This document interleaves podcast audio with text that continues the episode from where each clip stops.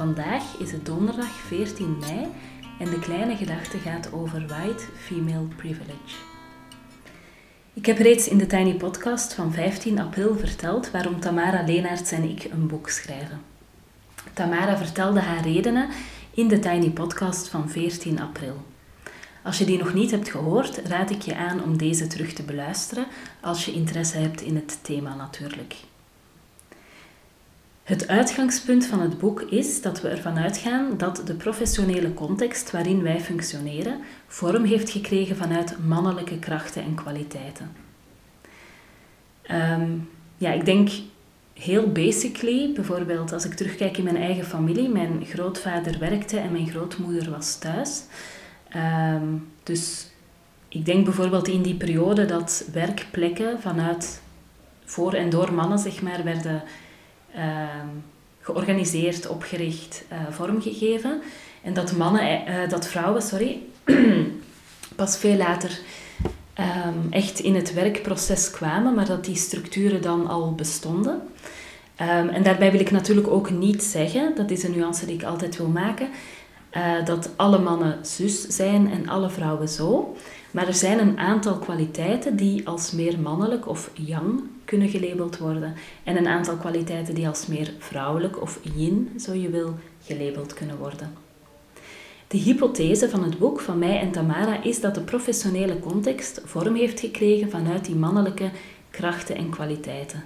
En dat vrouwen dus vaak werken in een context die vorm heeft gekregen vanuit het mannelijke waar zij met hun vrouwelijke kwaliteiten misschien minder passen, minder gezien worden, minder gewaardeerd worden.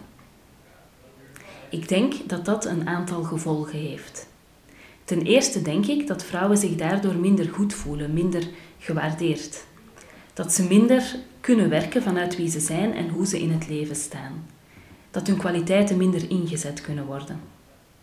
Ten tweede denk ik dat vrouwen zich proberen aanpassen aan de mannelijke norm to man up, of je vermannen, bestaat in het Engels en in het Nederlands, is een interessante uitdrukking. En het tegendeel, je vervrouwen of to woman up, is een uitdrukking die volgens mij niet bestaat. Ik denk dat die aanpassing van vrouwen om aan die mannelijke normen te voldoen, dat die veel energie kost en leidt tot burn-out en vermoeidheid en eventueel ook demotivatie. En dat er vrouwen zijn die op een bepaald moment niet meer verder kunnen, die echt vastlopen bijvoorbeeld na de geboorte van een kind of na een belangrijke levensgebeurtenis. Ten derde denk ik dat heel veel potentieel onbenut blijft als we vooral gericht zijn op die mannelijke krachten en kwaliteiten. En ten vierde denk ik dat de wereld er wel eens beter en anders zou kunnen uitzien als vrouwelijke krachten en kwaliteiten meer mainstream zouden zijn. En dan denk ik dus concreet aan een betere verdeling tussen werk en zorg, meer aandacht voor het milieu enzovoort. Dan ga ik even een slokje water nemen. En dan ga ik een paar voorbeelden geven. Voorbeelden van duo's van mannelijke en vrouwelijke krachten en kwaliteiten zijn bijvoorbeeld succes versus zingeving. Um, ik denk dat succes nastreven en scoren dat dat meer mannelijk geladen is en dat zingeving uh, meer vrouwelijk is. Georganiseerd versus organisch, organisch werken. Eh, georganiseerd heel strak aansturen versus organisch beginnen met, met wat er is en uh, kijken hoe de dingen gaan en op een natuurlijke wijze de dingen verder brengen. Snel succes nastreven versus kijken naar alle gevolgen van de lange termijn en dat dingen uh, duurzaam zijn bijvoorbeeld. Zelf schitteren of zelf zichtbaar zijn of worden versus deel zijn en bijdragen aan een groter geheel.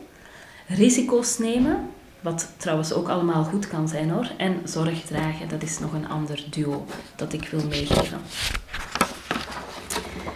Tamara en ik spraken al jaren geleden over dit boek en ik had al een uitgever gevonden. We waren enthousiast. En toen werd ik zwanger van de tweeling. Ik was zo misselijk en het leek alsof die misselijkheid ergens een trigger had in mijn hoofd dat ik op een bepaald moment echt timede dat ik acht minuten rechtop kon zitten en met een tekst bijvoorbeeld bezig zijn voor ik moest gaan liggen omdat ik zo ellendig was van de misselijkheid. Met heel veel pijn in het hart heb ik toen besloten het project in de koelkast te schuiven en me te richten op die twee kleintjes in de oven. Toen ik bevallen was, was ik uh, lang alleen maar moeder. Niets interesseerde me op dat moment nog en ik kon me gewoon niet voorstellen dat ik ooit nog iets anders wilde dan zorgen en zogen. En op een dag kwam er een cadeautje van She Company, de organisatie van Tamara. En dat was een, een, een soort kraamcadeautje met de post. En er zat een flesje rozenolie van Weleda in. Dat herinner ik me nog heel goed, omdat ik dat zo'n verwennerij vond. En het herinnerde mij er ook echt aan dat ik een lichaam had, dat niet alleen een soort van melkmachine was. En bij dat cadeautje zat ook een boek, Bedtijdverhalen voor rebelse meisjes. Een boek met honderd verhalen over bijzondere vrouwen. En dat was voor mij het postnatale moment waarop ik weer wakker werd, weer mezelf werd, weer drive kreeg en zin om dingen te doen.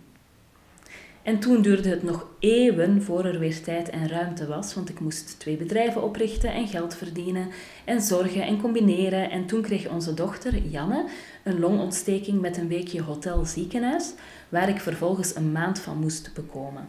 Maar uiteindelijk, uiteindelijk pakten we het boek weer op. En toen voelde het juist om te beginnen met vragen stellen aan andere vrouwen. Want wij hadden wel onze hypothese, maar hoe ervaren andere vrouwen dat dan? We zetten een bevraging uit ten aanzien van vrouwelijke professionals en we kregen 100 reacties. En ik kreeg ook een aantal e-mails. Mails van vrouwen die zeiden dat de woorden uit de, ehm, uit de bevraging dat die te abstract waren. Dat de taal van de bevraging dat die te moeilijk was. En ik kreeg ook deze mail. Jammer dat ik de bevraging niet kan invullen. Als huisvrouw helaas geen professionele plek waar ik al dan niet wat ervaar. Maar klopt dat wel? Ik bedoel, sluit je zo toch niet een groep vrouwen uit? Niet dat ik vind dat ik zoveel interessants te melden heb, hoor. Puntje, puntje, puntje.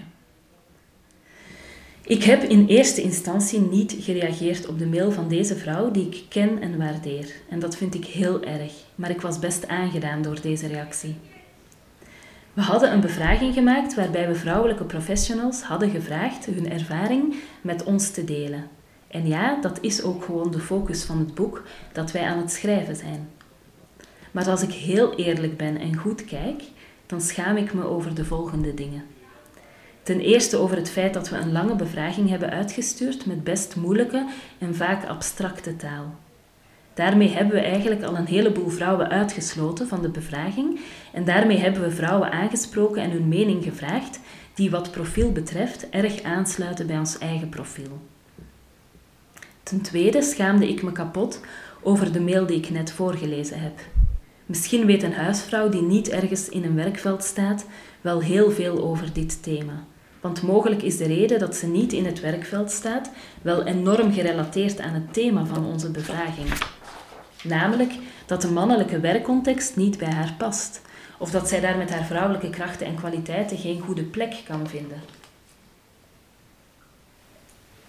Of misschien zit het helemaal anders in elkaar, maar heeft deze vrouw en anderen met haar best veel over dit thema te vertellen, omdat het haar interesseert, omdat ze dochters heeft, om weet ik veel welke reden. En dat hebben we gemist, want wij hebben vrouwelijke professionals gezocht om onze bevraging in te vullen. Ten derde was er één zinnetje van één van de vrouwen die de bevraging invulde dat ook heel erg binnenkwam bij mij.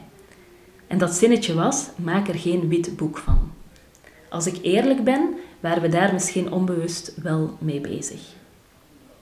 Ik had het erover met Tamara en ik had het erover met Pieter en plots kwam er bij mij een hele blinde vlek tevoorschijn. En die van de witte privileges. Naast mij ligt de geweldige toolbox van Fanny Matheusen, van zondebok tot zebra, 30 tools als het verschil ertoe doet. Dat is een toolbox met werkvormen uit Deep Democracy. En ik heb bij, uh, onder andere bij Fanny, heb ik um, de um, ja, cursus eigenlijk gevolgd om Deep Democracy facilitator uh, te worden.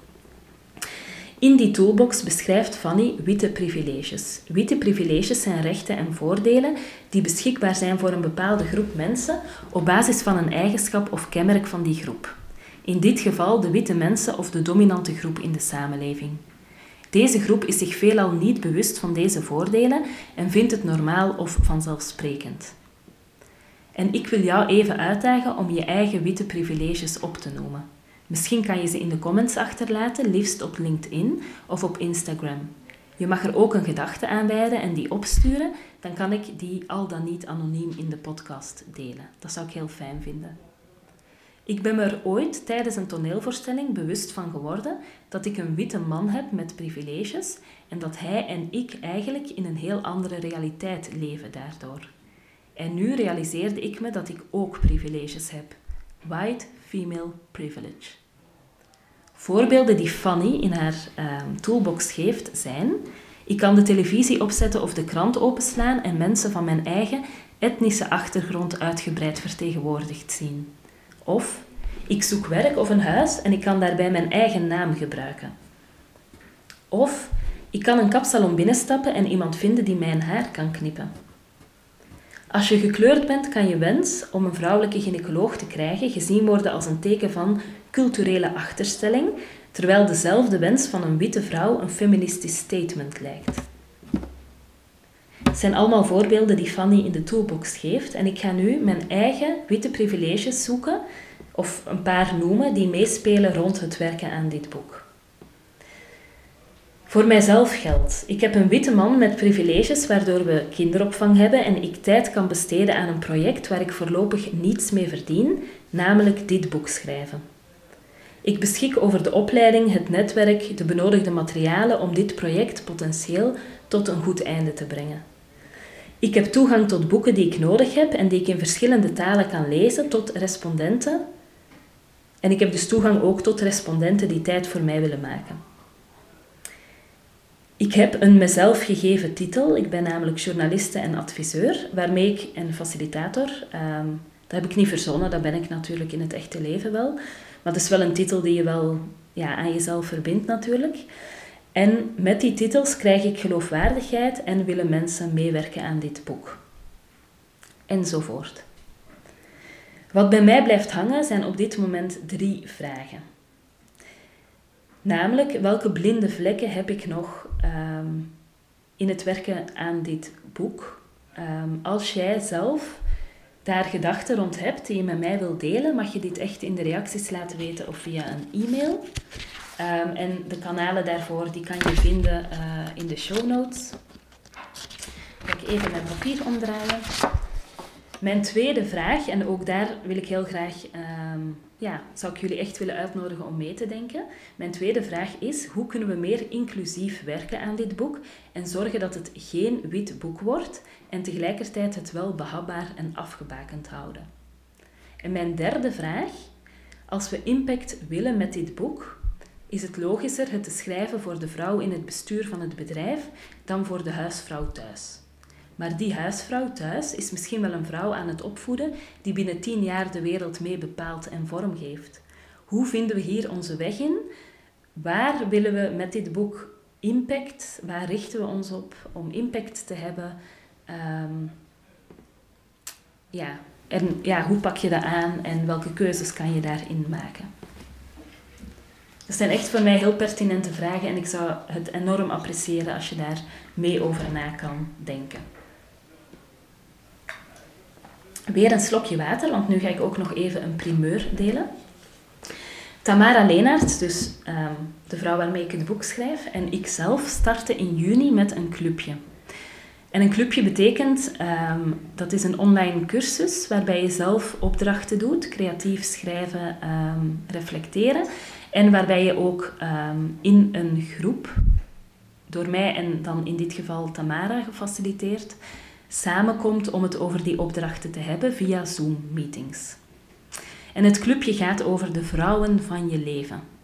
Je grootmoeder, je moeder, je eerste baas, een harde tante, je beste vriendinnetje, die tante waar je altijd terecht kon, je zusje op wie je pijnlijk jaloers was, die populaire van de klas die je pestte tot je niets meer waard was, die vriendin die midden in de nacht naar je toe reed toen je vriend je verlaten had die vriendin die over je roddelde en daarmee onherstelbaar veel schade heeft aangericht.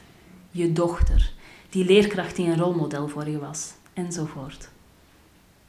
Elke vrouw heeft vrouwen in haar leven, of heeft die gehad, die haar gevoed hebben, gevormd, beschadigd, geïnspireerd, op het juiste spoor gebracht. Vrouwen die een voorbeeld waren of zijn, of vrouwen die afschuw opwekken of opwekten. Vrouwen die je aanmoedigden of vrouwen die je klein hielden. Vrouwen door wie je je gezien voelde of vrouwen die op jou projecteerden wat ze zelf wilden zien. Vrouwen bij wie je thuis kon komen en vrouwen waarbij je je altijd te veel, te lomp, minder voelde. Vrouwen die je voeden en vrouwen die je uitputten. En die vrouwen hebben en hadden een invloed op hoe jij als vrouw in de wereld staat, wie je bent voor andere vrouwen en voor jezelf en voor je omgeving en hoe jij je vrouwelijkheid beleeft, uit en ervaart.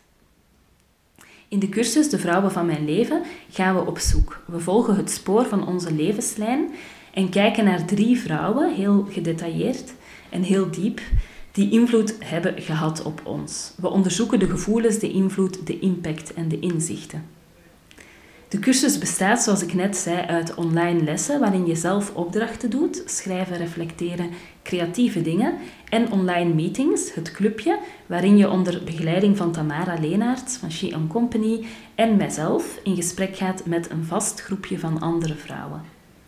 Door met elkaar in te checken, thema's te onderzoeken en de resultaten en inzichten van de opdrachten te delen, zijn we samen in het proces omtrent de vrouwen van ons leven. Inschrijven kan in principe tot 25 mei, maar we willen natuurlijk een maximum aantal deelnemers en van zodra dat aantal bereikt is, gaan wij die inschrijvingen sluiten. Je krijgt toegang tot de online module op 29 mei als je meedoet. En de online meetings via Zoom vinden plaats op 2, 9, 16, 23 en 30 juni. Dat zijn allemaal dinsdagen, want juni heeft vijf dinsdagen. En die meetings vinden plaats van 20.30 uur tot 22 uur. En je hoeft Zoom niet aan te kopen, maar je krijgt een uitnodiging van ons. Zo, tot zover de Tiny Podcast voor vandaag. Um, waarin ik uh, eigenlijk best wat uh, heb meegegeven. De podcast um, overstijgt het Tiny karakter stilaan ook een beetje. Um, wat ik altijd nog zeg, je kan me volgen op Instagram, TheTinyPodcast. En je helpt me door deze podcast wat sterretjes te geven, op iTunes een review achter te laten of hem door te sturen aan iemand anders die er misschien graag naar luistert. En reacties zijn heel welkom. Fijne dag!